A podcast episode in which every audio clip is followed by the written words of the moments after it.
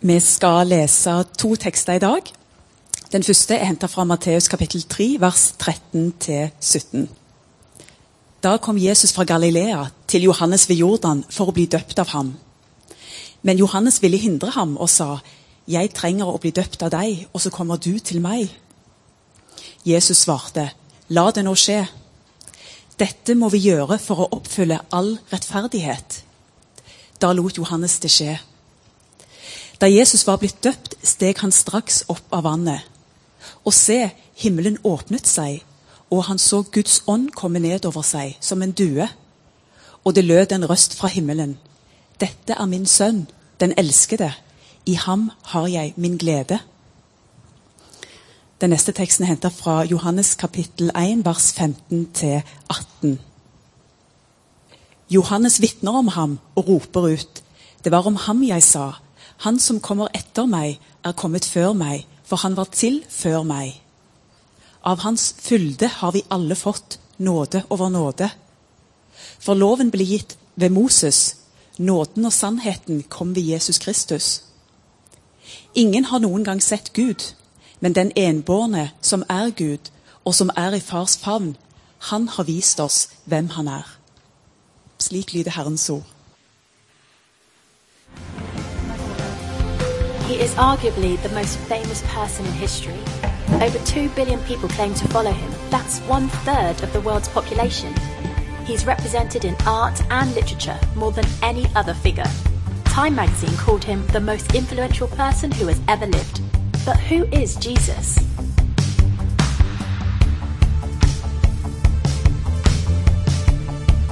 Who is Jesus? Um, uh, um, uh, I think, uh, Uh, I believe he was a person. Um, he's the Son of God. I don't believe Jesus ever really existed. Son of God. If I have to answer that question, I would say God. uh, he plays on the wing for Chelsea. if you read the Bible, I, I don't think I believe in all of that. Everything. you can be any, but for me, he's everything. Who is Jesus? To be honest with you, I don't know. I'm not super religious or anything, so I mean, he, I guess it's a savior or something. Personally, I think that Jesus was probably a really cool dude who lived a long time ago and gave great advice to people, and it snowballed from there.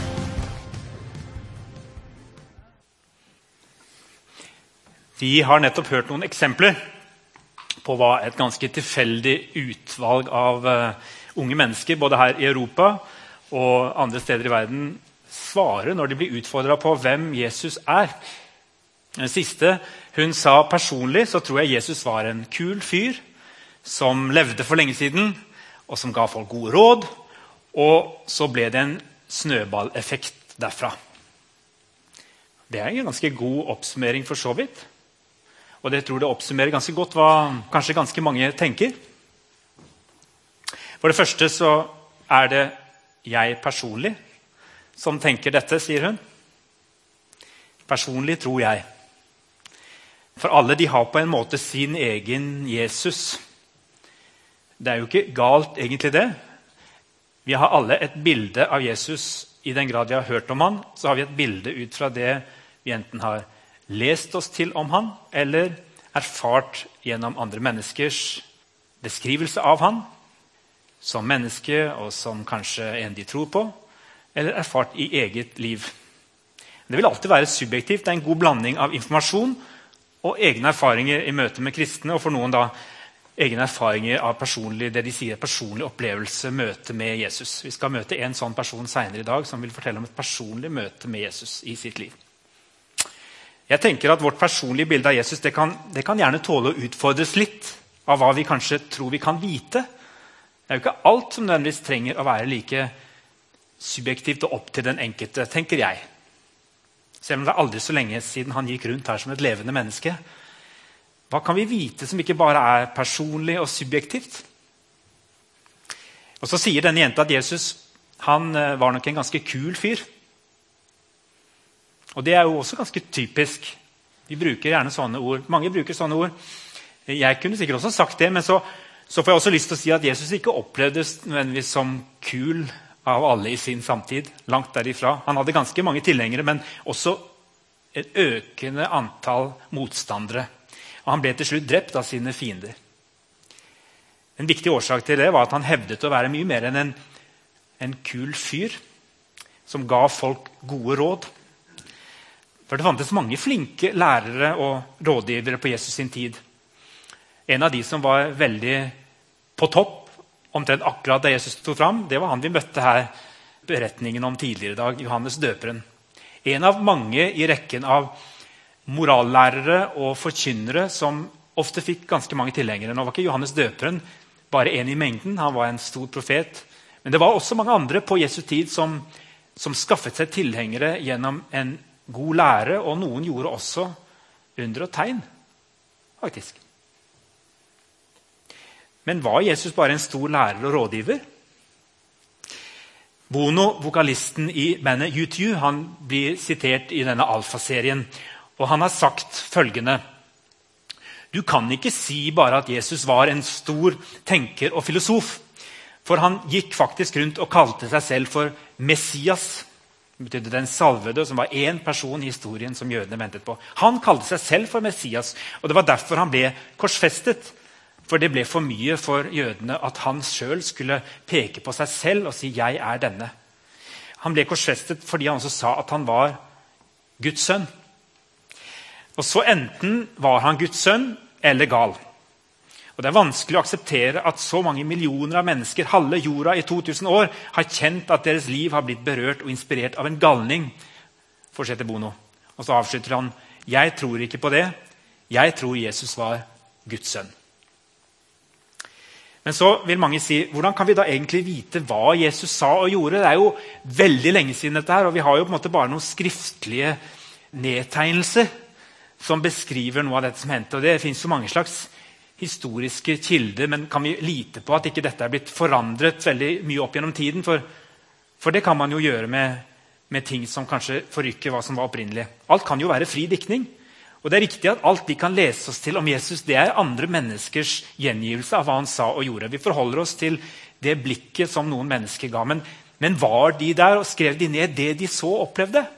Er det det vi leser når vi i dag åpner Bibelen, Det nye testamentet? Disse øyenvitneskildrene begynte å sirkulere, og de ble nedskrevet enda mens mange av dem som hadde vært i nærheten, fortsatt levde.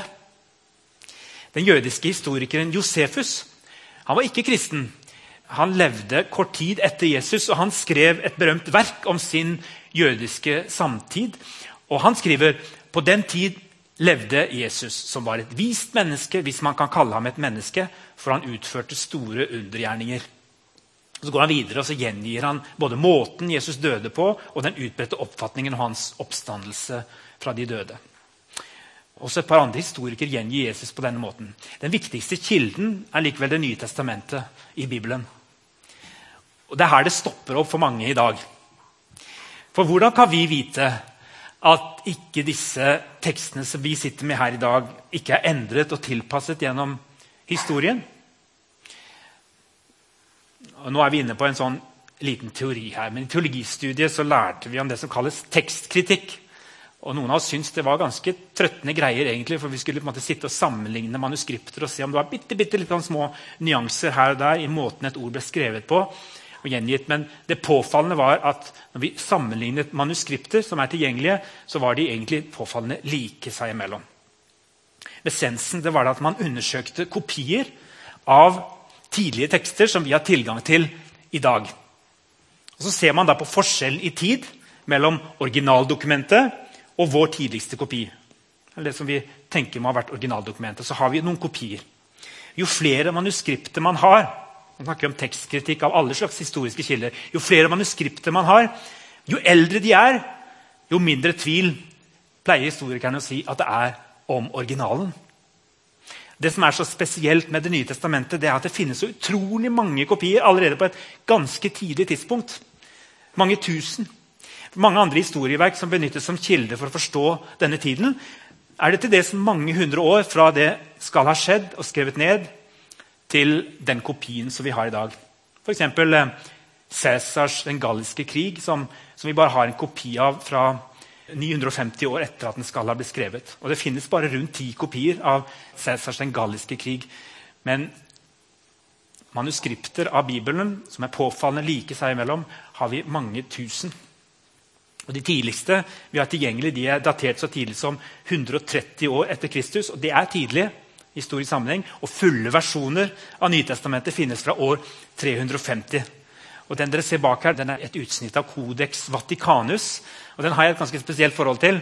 For eh, selv om mange har sett den og kan slå opp og se på den på nettet, så har jeg da altså bladd i den selv. Og Den er fra midten av 300-tallet, og den ligger i, låst inne i et arkiv i Vatikanbiblioteket. Og Når du kommer inn i Vatikanbiblioteket, så, så, så får du liksom bare høre om den.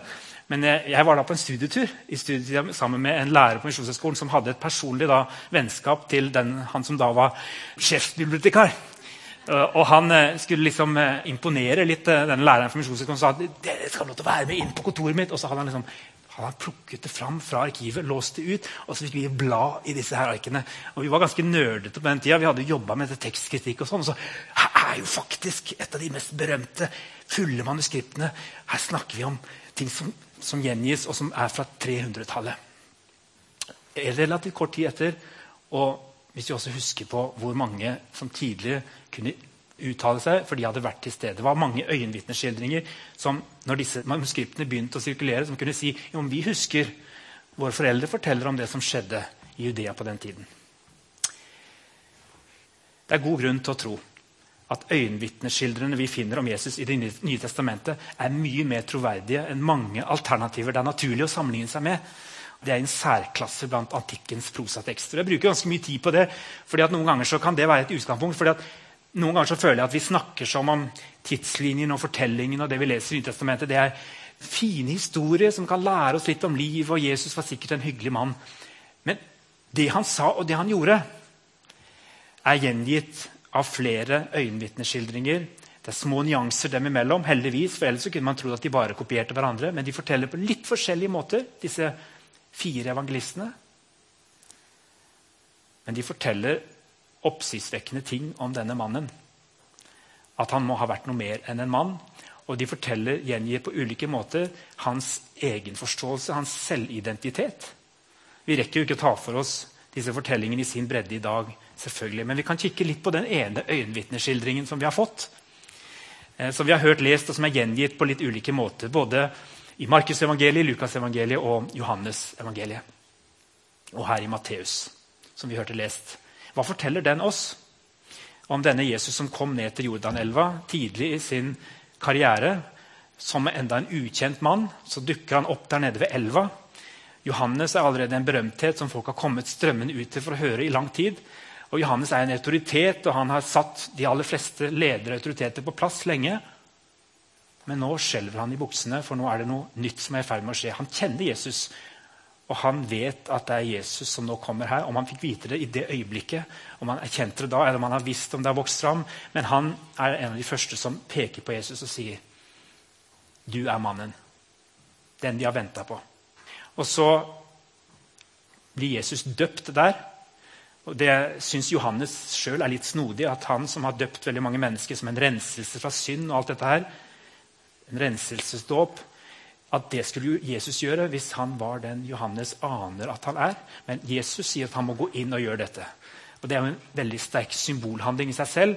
At Jesus blir døpt. Allerede der så er det akkurat som vi, vi får på en måte begynnelsen og, og slutten av Jesu virke de tre årene innrammet. For her går han ned i elva, og det er et symbol på den død som han seinere skal dø på korset. Åpenbart. Altså Alt det innimellom det forteller oss, kaster blikk over denne tjenesten som Jesus skulle ha. Alle helbredelsene, all godheten som han viste, all forkynnelsen hans, er på en måte tegn og omsorgshandlinger som forteller noe om hvem han er. Og alt det samme blir på en måte fullført gjennom hans spesielle død på korset. Det er sånn vi tenker og sånn vi leser i evangeliene, gjengivelsene. Kommer tilbake til hvorfor vi tror at hans død må ha vært spesiell, noe spesielt. Men så er det også noe mer som skjer der, i denne forunderlige hendelsen der han blir døpt ved Jordanelva. Og Det er denne stemmen som kommer fra himmelen, og som gir Jesus en slags anerkjennelse. En stemme, tydelig stemme fra Gud, som kaller han 'min sønn, som jeg har behag i'. I deg har jeg min glede. Når vi hører denne stemmen fra oven og så ser denne duen, så er det det første glimtet av at, som er vanskelig for oss å forstå, men av at Jesus er en del av guddommen. At det finnes en treenig Gud. Gud framstår i tre. Som far, sønn og Den hellige ånd som formidler mellom dem. I denne dåpshandlingen ligger altså hans hovedoppdrag presentert, og han innviste den. Og Johannes, når han forteller om dette, gjengitt i Johannes evangeliet, så sier han mer om denne Jesus. Han sier det var om ham jeg sa, han som kommer etter meg, er kommet før meg, for han var til før meg. Merkelig setning. Han som kommer etter meg, fordi han på en måte fysisk framtrer etter meg i tid, fetteren min, han er noe mye mer enn fetteren min. Han har kommet før meg, for han har alltid vært til. Han er av Gud, for han var til, han var til før meg. Og så legger han til av hans fylde har vi alle fått nåde over nåde. Loven ble gitt ved Moses. Der han i, i den jødiske tro. Nåden og sannheten kom ved Jesus Kristus. Her er det kommet noe nytt. Og så sier han ingen har noen gang sett Gud, men den enbårne, altså Jesus, som er Gud, og som er i fars navn, han har vist oss hvem han er. Og Det er det som er så unikt med det vi tror på som kristne. At uh, vi kan lete etter Gud overalt. I naturen, i religiøse skrifter, i ulike forskjellige menneskers erfaringer av Han. Men vi tror at den Jesus som åpenbarte seg de tre årene, som har nedtegnet og vist oss hvem han er gjennom det han gjorde da, det er han som først og fremst viser oss hvem Gud er. Vi skal slippe å lete alle mulige andre steder. Gud er alltid mer enn det vi har sett. Gud er mer på lager kanskje enn vi vet om. Gud er suveren. Men når vi skal finne ut, og når vi kan fortelle mennesker ja, hvem er nå denne Gud som dere tror finnes, og som skal ha skapt verden, ja, da går vi til Jesus. Og så finner vi informasjon om Gud gjennom ham. Det er mye mer enn en morallærer og en som gir gode råd. Det ser vi i handlingene hans. Det er mye større, og derfor er det så spennende. Så blir vi aldri ferdig med å utforske disse fire evangeliene som forteller om hva han sa og gjorde. Så gi dere sjøl anledning til å lese de. Gå inn i de og gi dere sjøl muligheten til å bli kjent med han der. Og så er det mange av oss erfarer at det leder til en personlig relasjon der vi snakker med han og opplever at han taler til oss her og nå. Jesus han, eh, han gjorde vann til vin. Han, eh, han gjorde en Guds niste til mat for 5000. Han styrte over naturkreftene. Han stanset en storm. Han gjorde helbredelser. Han vekket døde til live. Var han gal når han samtidig gjorde alt dette og sa så mye klokt? Han var en mann som viste en kjærlighet, åpenbart en kjærlighet som bare kunne komme fra Gud. Det ser vi i møte med spedalske og prostituerte som på den tiden ble utstøtt og som ble regna for ingenting. Han løfter de opp og sier dere skal få forvandlede liv gjennom meg. Han pekte på seg selv, i motsetning til mange andre på morallærer som pekte på Gud og sa 'lær av Gud' og 'søk Gud'. Så sa han 'jeg er livets brød'. Jeg gir dere det dere trenger. Kom til meg. Og det var umåtelig provoserende, for da satte han seg selv i Guds sted. Men det var også tiltrekkende for mange. Det endte med at han døde på korset, for det ble for provoserende for de religiøse lederne på hans tid at han satte seg selv i Guds sted på den måten og utfordret hele deres forståelse av Gud. At Gud kunne være et menneske. Nei. Det har til alle tider vært provoserende men det er der nøkkelen til vår tro ligger. Og så til slutt Jesus han uh, sies å ha stått opp fra de døde. Og Det er derfor det blir interessant å spørre seg hvorfor måtte han dø.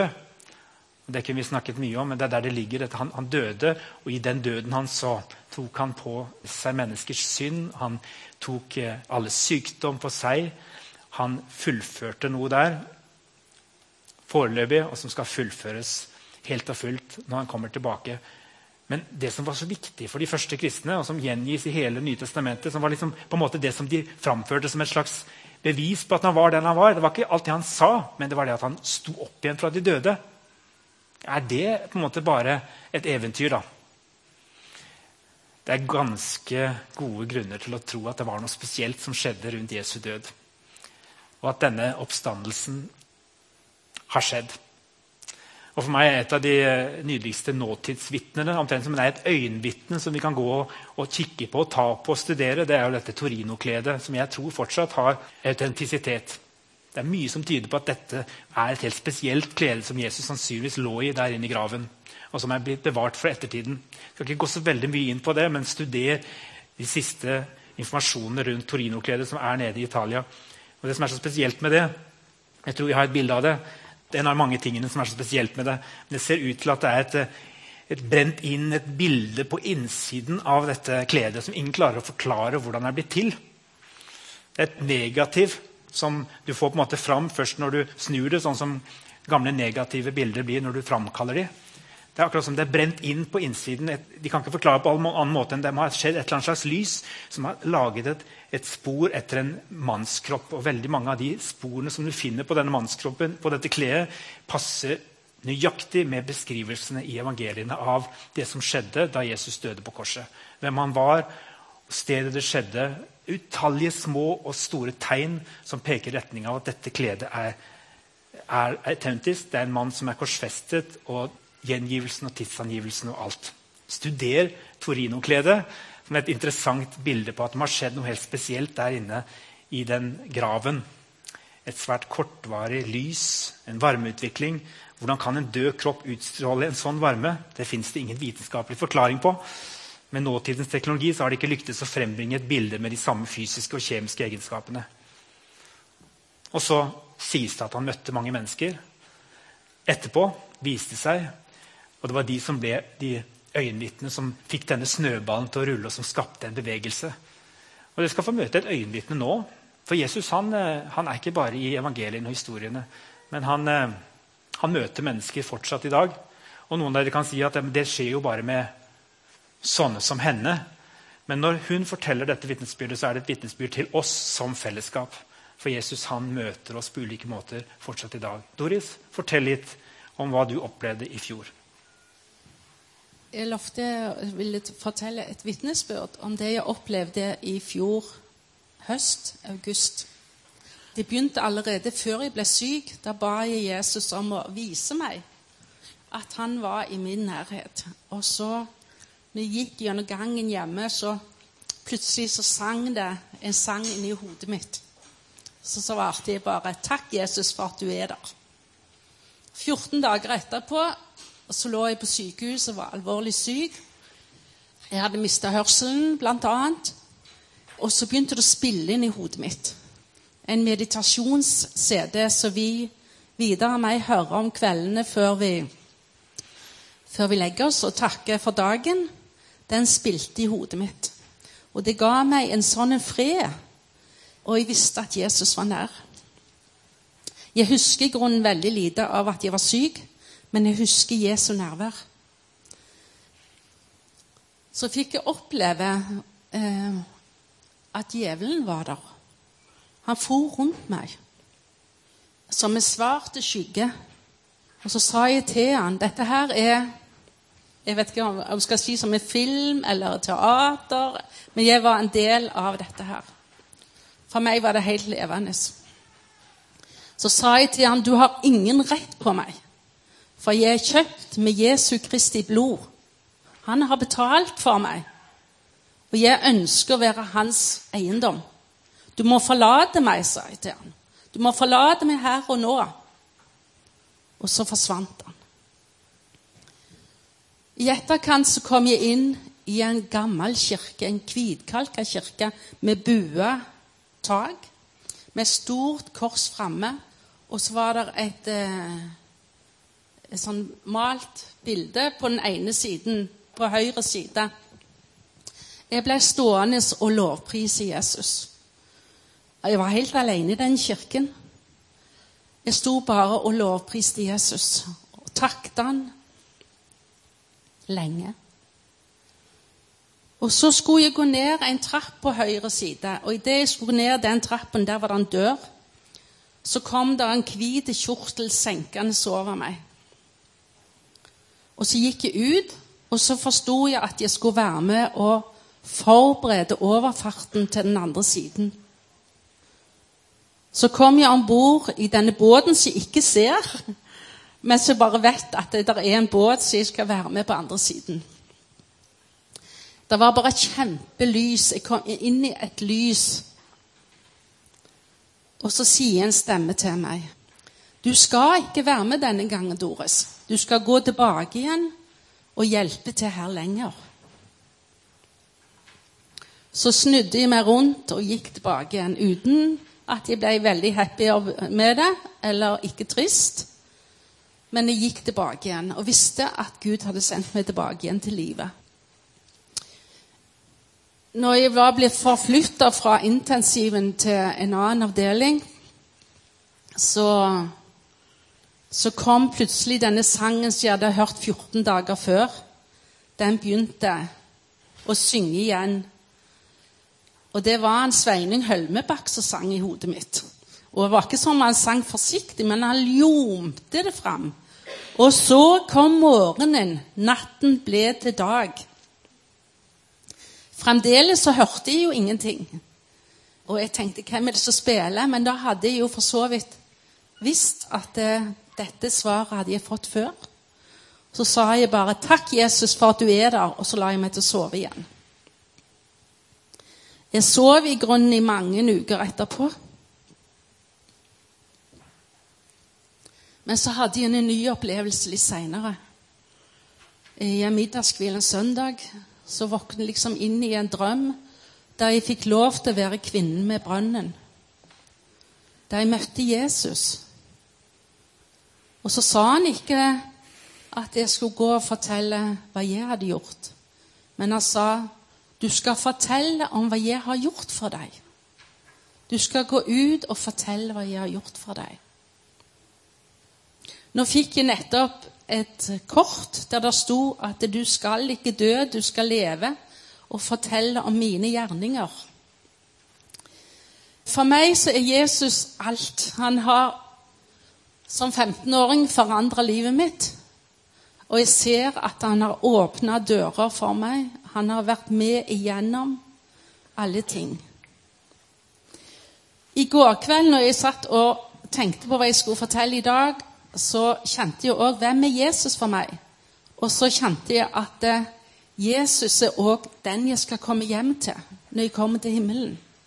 Der vi skal lovprise Jesus og takke han og fullt få lov til å være sammen med han. Og dette skal vi jobbe for òg og fortelle, så de som er rundt oss, får lov til å være med på den veien til himmelen.